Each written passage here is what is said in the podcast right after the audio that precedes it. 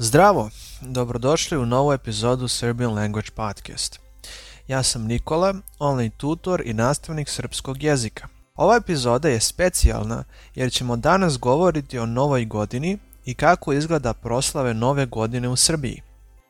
Molim vas zapratite Instagram stranicu Learn Serbian ili Serbian Language Network i zapratite ovaj podcast na spotify Dakle, skuvajte kafu ili čaj, pokrijte se ćebetom i uživajte u ovoj novoj prazničnoj epizodi. Krenimo!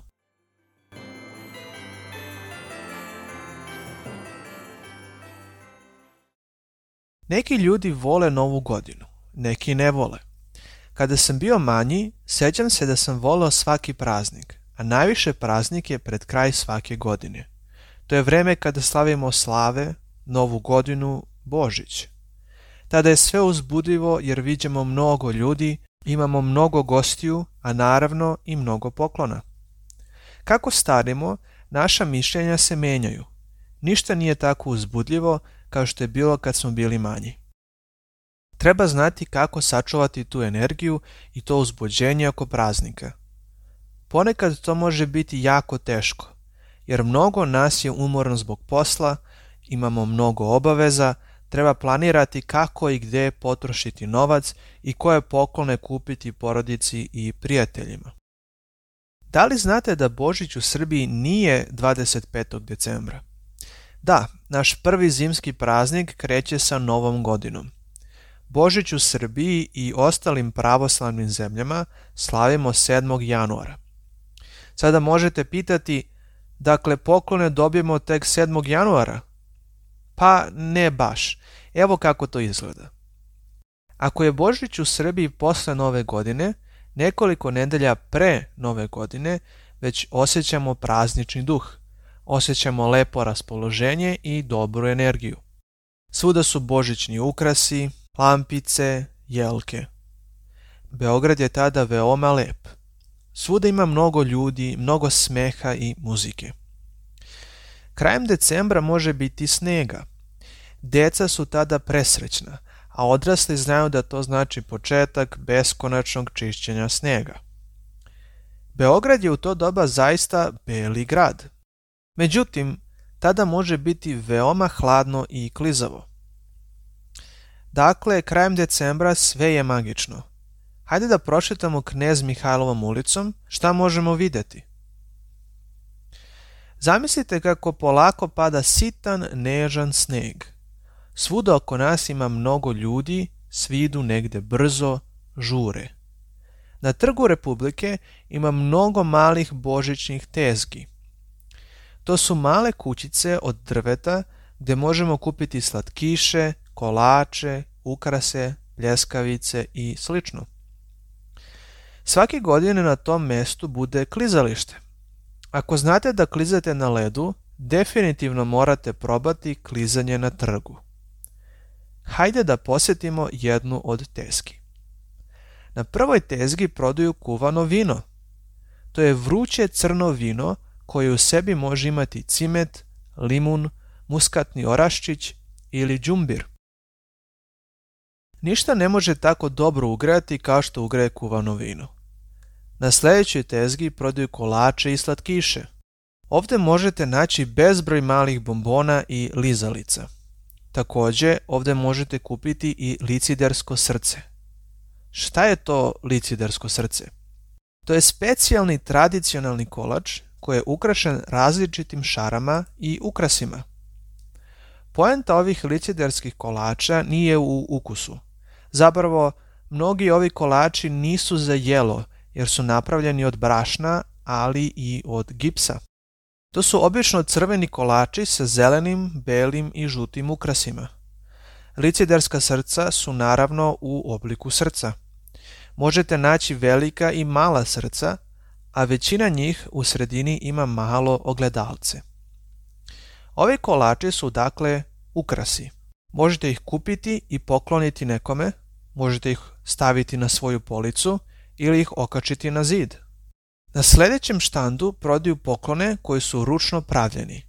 To su pletene rukavice, kape, prsluci, papuče i posebne vunene čarape koje imaju više imena. Natikače, vunenjaci ili popke. Ovdje možete naći i mnogo suvenira, mnogo flaša i čaša za rakiju i vino, ikone, slike i tako dalje. Ako nastavimo dalje i uđemo u Knez Mihajlov ulicu, proći ćemo pored mnogih tezgi sa kojih mirišu pljeskavice, ćevapi, sirevi, a u Knez Mihajlovoj ulici čeka nas velika jelka i Deda Mraz. Deca obožavaju da se slikaju sa Deda Mrazom. Ovde već možete čuti trube. U ovoj ulici ima mnogo trubača za vreme ovih praznika. To su bendovi koji sviraju celu noć. Ponekad ima i do 3-4 benda u celoj ulici. Ova muzika ulepšava celu atmosferu, pa možete vidjeti ljude kako igraju i pevaju. Pošto smo već obišli celu ulicu, pala je noć i postalo je hladnije, hajdemo kući da se zagrejemo. Decu u Srbiji ne dobijaju poklone 25. decembra, već za novu godinu. Kako to izgleda? To zavisi od porodice do porodice. Neka deca dobijaju poklone ujutru, 1. januara, dok neka deca dobijaju uveče, 31. decembra.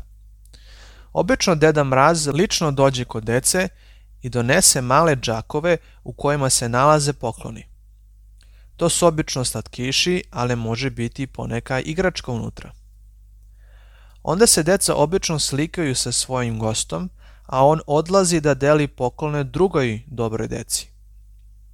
On također može i ostaviti poklone ispod jelke, da ih deca otvore jutro posle nove godine.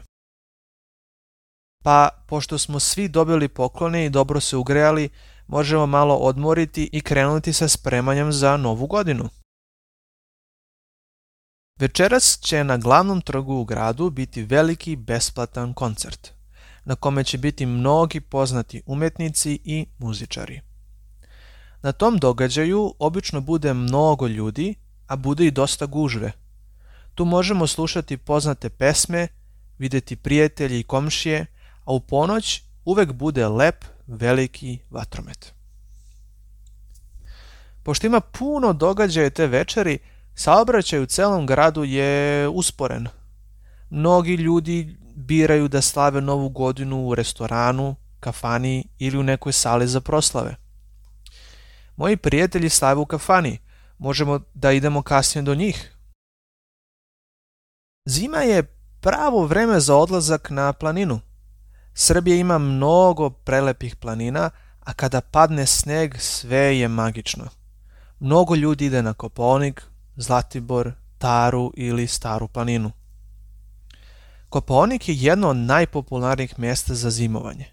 Tamo ima mnogo hotela i odmarališta.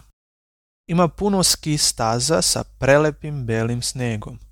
Oko hotela su šume sa četinarima. Četinar to je drvo čije lišće ne opada u jesen i zimi. Na Kopaonik možete ići kolima ili autobusom. Možete naći luksuzne i obične hotelske sobe. Ako volite da uživate, možete plivati u bazenu ili da iznajmite sobu sa džakuzijem. Većina ljudi uzima sobu na nekoliko dana, a najviše njih voli da skija. Možete iznajmiti ski opremu ako nemate svoju. Tamo ima mnogo instruktora i trenera koje vam mogu pokazati kako da naučite da skijate. Možete voziti snowboard ili da se sankate. Pošto na kopovniku bude mnogo dece, ima dosta mesta sa malim uzvišenjima gdje deca mogu da se sankaju nizbrdo i da uživaju u snegu. Budite oprezni, ovakav odmor može biti dosta skup, tako da lepo isplanirajte svoje vreme i novac. Ako ipak niste raspoloženi za luksuzni odmor, verovatno birate da ostanete kod kuće sa prijateljima i porodicom. Nekoliko dana pre nove godine svi idu u kupovinu. Tada je pravi haos u prodavnicama. Tada svi kupuju hranu i piće. Na kućnim proslavama možete vidjeti stolove sa mnogo, mnogo hrane i sa mnogo, mnogo pića. Naravno, mora biti i dobre muzike. Ceca, Zdravko Čolić, Aca Lukas i slično. U ponoć mnogi ljudi izađu napolje da gledaju vatromet iznad grada. Tada su telefonske linije uvek zauzete i teško je pozvati nekoga pošto svi žele da čestitaju novu godinu porodici i prijateljima. Sutradan svi spavaju do kasno, ako nema posla, i onda možemo ponovo ići na novu žurku.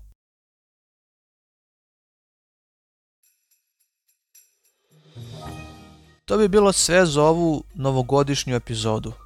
Nadam se da će vam nova godina doneti nešto lepše i uzbudljivije od prethodnih i da ćete biti uvek srećni i sa ljudima koje volite. Hvala vam što pratite i učite srpski jezik uz ovaj podcast i uz stranicu Learn Serbian ili Serbian Language Network. Srećna nova godina i vidimo se ponovo uskoro. Pozdrav!